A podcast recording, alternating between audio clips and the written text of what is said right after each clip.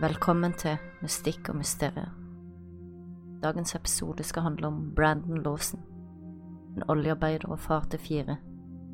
Sist sett når han forlot hjemmet sitt 8. august 2013 rundt midnatt, etter en krangel med sin kone Ladessa. Han ønska som alene til å ringe til sin far, sa at han ønska å komme over dit, en kjøretur på tre til fire timer. Mens han var på vei, så ringte han sin bror Kyle. Fortalte at han trengte hjelp etter å gått tom for bensin på Highway 277 i nærheten av Bronte, Texas. Like etterpå ringer Brandon også til politiet, og han sier at han trenger hjelp. Siden den gang har ingen hørt fra Brandon.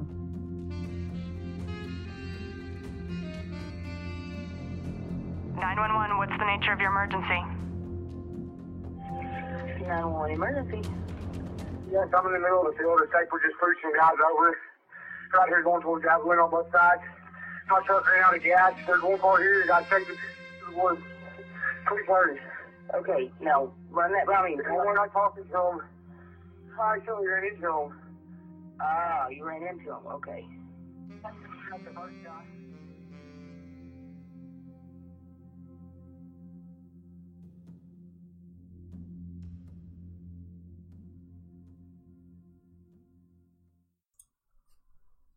Hva skjedde egentlig med Brandon Lawson?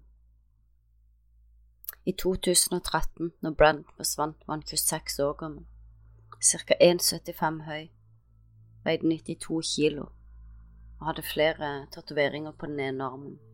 Han hadde kort, eh, mørkebrunt hår og blå øyne og en piercing i det ene øret. Han har også et arr på det ene kinnet og det venstre kneet. Den kvelden han forsvant, hadde han på seg en gul T-skjorte, kamuflasjeprinta shorts og hvite Air Max-sko fra 2013. Han og kjæresten Ladessa hadde vært kjærester siden ungdomstida. Sammen hadde de tre barn, i tillegg hadde Brandon et barn fra et tidligere forhold. De krangla den kvelden Brenn forsvant. Begge var stressa. Brandon skulle snart begynne i ny jobb. De hadde fire barn, og det ene barnet hadde hatt ørebetennelse i flere dager. Det var ikke uvanlig at de krangla, og da pleide de gjerne å kjøle seg ned med å gå hver for seg. Brandon forlot huset og ringte sin far og sa han ville komme over. Faren ba han roe seg litt ned og tenke seg om, og ordne opp med Ladessa. Det var tross alt en kjøretur på tre timer til farens hus. Broren til Brandon Kyle bodde i samme by som eh, Brandon, og ca. 45 minutter etter at han hadde forlatt huset, ringte han broren sin Kyle og sa at han hadde gått tom for bensin på Highway 277, og at han trengte hjelp. Kyle sa han kunne komme over med ei bensinkanne, og tok med seg kjæresten for å hente bensinkanner hjemme hos Ladessa. De ringte Ladessa på veien og fortalte at Brennan hadde gått tom for bensin. Ladessa sa hun skulle sette bensinkanna på verandaen. Hun skulle ha en dusj og så legge seg. Kyle og kjæresten Audrey kjørte og hentet bensinkanna. Kyle kom på at han hadde ikke penger ennå på bankkontoen. De kom inn neste dag, så han hadde ikke mulighet til å fylle bensin på bensinkanna. Så planen var å kjøre og hente Brandon. Kjøre til bensinstasjonen og fylle opp kanna, og så kjøre Brandon tilbake igjen til bilen.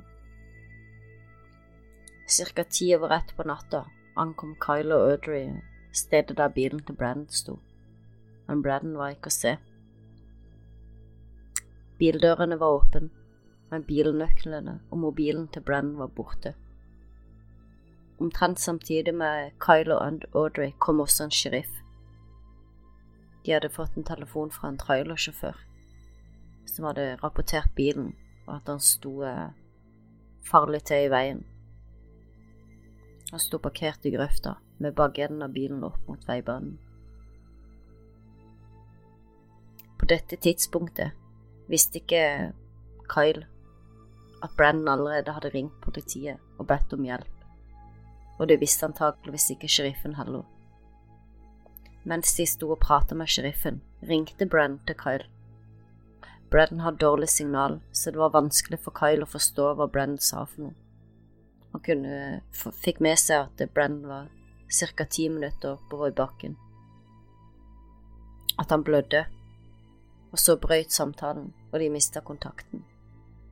Brenn hadde en eh, arrestordre på seg som var to år gammel. Han hadde nylig oppdaga dette og hadde tenkt å ordne opp med dette neste uke, men Kyle tenkte at det, eh, det var derfor Brennan hadde gjemt seg, han var redd for å bli arrestert siden sheriffen var der med bilen. Så derfor sa ikke Kyle til sheriffen at det var Brennan som hadde ringt det. Sheriffen undersøkte bilen kikka rundt og kunne ikke se Brennan, og arrangerte for at bilen skulle bli taua neste morgen. Sheriffen kjørte seg av gårde for å kikke etter Brandon. Kyle tenkte ennå at Brandon hadde gått og gjemt seg. Kjæresten til Kyle sendte en melding til Brandon, hvor hun sa at politiet var med bilen hans. Hun var jo sikker på at han gjemte seg. De tenkte at de kunne legge bensinkanna i baksetet, sånn at når Brandon kom tilbake, så hadde han kanna og kunne fylle bensin. Så kjørte de oppover veien og leita etter Brennan, men de kunne ikke finne han noe sted. Så de kjørte hjem igjen. Når morgenen kom og de ennå ikke hadde fått kontakt med Brandon, begynte Kyle å bli bekymra. Det var ingen som hadde hørt fra han siden den siste samtalen. Kyle kjørte tilbake til bilen, og det var ingen tegn til Brandon ennå. Kyle hadde nå fått pengene inn på kontoen sin, så han tok med seg bensinkanna og fylte den opp og la den tilbake igjen i bilen. Når Ladessa våkna på morgenen, så hun at hun hadde flere ubesvarte samtaler fra Brennan som var gjort i, rett etter Kyle, og etter at han hadde ringt politiet. Fremdeles visste ikke familien til Brandon at han hadde ringt politiet og bedt om hjelp. Dette ble først oppdaga seinere, når de fikk oversendt telefonutskriftene til Brandon. Da så Ladessa at han hadde ringt politiet, og det var sånn de fikk tak i samtalen.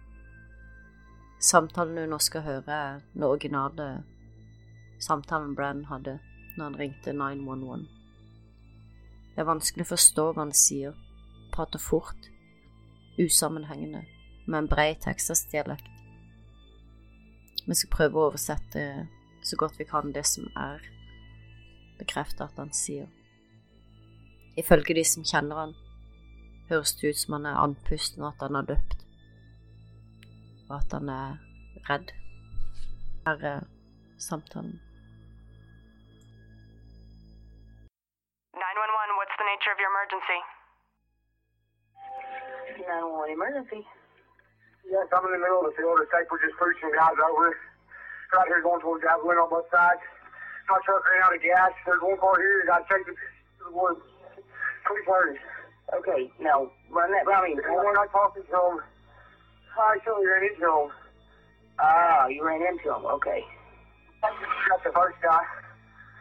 You need an ambulance? Yes, no, I need the cops. Okay. Is anybody hurt?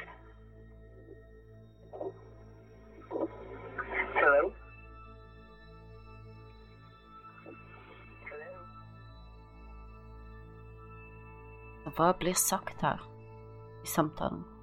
Det er vanskelig å høre hva Brendan sier. Han snakker fort med bred dialekt. Men det vi kan høre, er det første han sier er Yes, I'm in the middle of a field. Just pushed some guys over. We're out here going towards Apple Line on both sides. A truck ran out of gas. There's one car here. A guy chasing me through the woods. Please hurry. Han sier ja, jeg er midt i åkeren. Så kommer det et ord som er vanskelig å høre. Mange tror de hører ordet state trooper og sniper, og, at eh, noen nettopp eh, dytter noen eh, folk over. Vi er her ute, og vi går mot Abilene på begge sider. Bilen min gikk tom for bensin. Det er én bil her. En fyr jager meg gjennom skogen. vær så snill, fort dere. Sier eh, operatøren, eh, ok, kan du si det en gang til? Da sier Brandon, there'll be no talking to him, I accidentally ran into him. Det betyr altså, vi skal ikke snakke til dem. Jeg løp inn i dem ved et uhell. Da sier operatøren, å, du løp inn i dem ved et uhell? Ok. Da er det uklart hva Brendan sier. Eh, Det virker som han snur seg vekk fra telefonen. Så hører du The First Guy, den første fyren. Så høres det noen lyder i bakgrunnen her.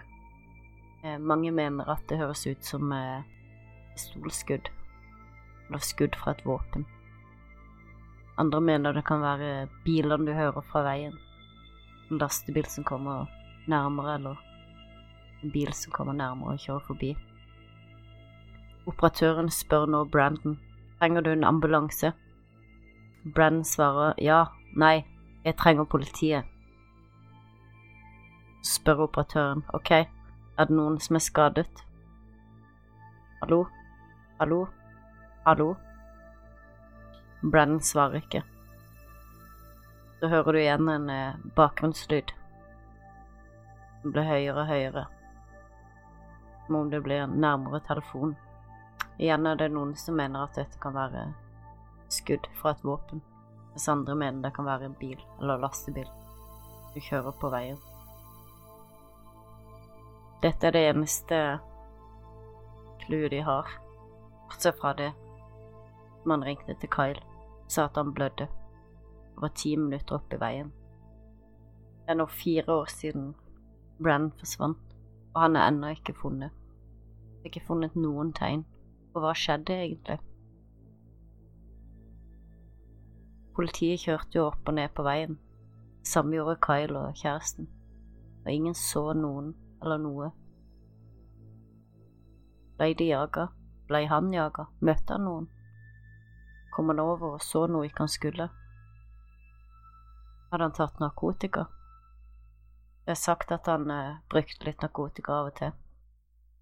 Kanskje hadde han fått et tilbakefall. Hallusinerte og var paranoid. Kanskje skjedde det noe. Familien til Kyle mener absolutt at noe kriminelt har skjedd, at han ikke ville forsvunnet av seg sjøl. Det at han ringte politiet og ba om hjelp, tyder jo på at noe var galt. Rett etter at Brennan forsvant, leide Ladessa et letefly med sine egne penger. De gjorde en eh, leteaksjon over området der Brandon sist var observert. Nadessa, Kyle og andre i Brandons familie eh, lette på bakkenivå. De var 14 stykker, men de dekka så stort område som de klarte.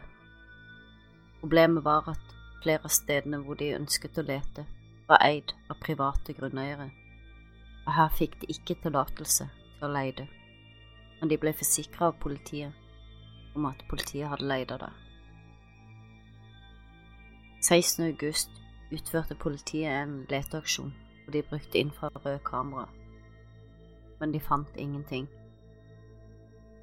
Flere har spekulert i hvorfor politiet brukte infrarødt kamera så lenge etterpå, når mest sannsynlig ikke ville vært levende ennå i samme område, og da ville han heller ikke blitt sett på infrarødt kamera. 29. august utførte politiet nok en leteaksjon. De brukte et stort område med hunder ut fra der eh, bilen til Brandon ble funnet. Politiet brukte en algoritme for å kunne sannsynliggjøre eh, hvor langt han kunne ha reist, og så leide de ut ifra det. Det var flere politidistrikter involvert i leteaksjonen, i tillegg til flere andre. Men ingen av leteaksjonen resultatet i noe. Kunne ikke finne Brandon. Siden Brandon forsvant, alle disse flytta tilbake til der foreldrene bor, sånn at barna kunne være for nærmere besteforeldrene, og de kunne hjelpe til sånn at eh, hun kan få en jobb og forsørge dem. Hun har ikke mulighet til å gå ut og det selv mer, men hun er aktiv med Facebook-siden Hjelp Finn Brandon Lawson, og hun ser på alle tips og all informasjon som kommer inn. Hun pleide å ringe en gang i uken Coke County politistasjon, men det har trappet ned for hver dag som har gått, og ingen ny informasjon. Men hun har gitt seg selv et løfte, og det er å aldri gi opp. Disse og familien håpe at jeg en dag skal få svar på hva som skjedde med Brandon. At han en dag skal bli funnet. Han en dag skal få svar på om det virkelig skjedde noe, eller om han hallusinerte. Kanskje får vi aldri svar på hva som skjedde med Brandon.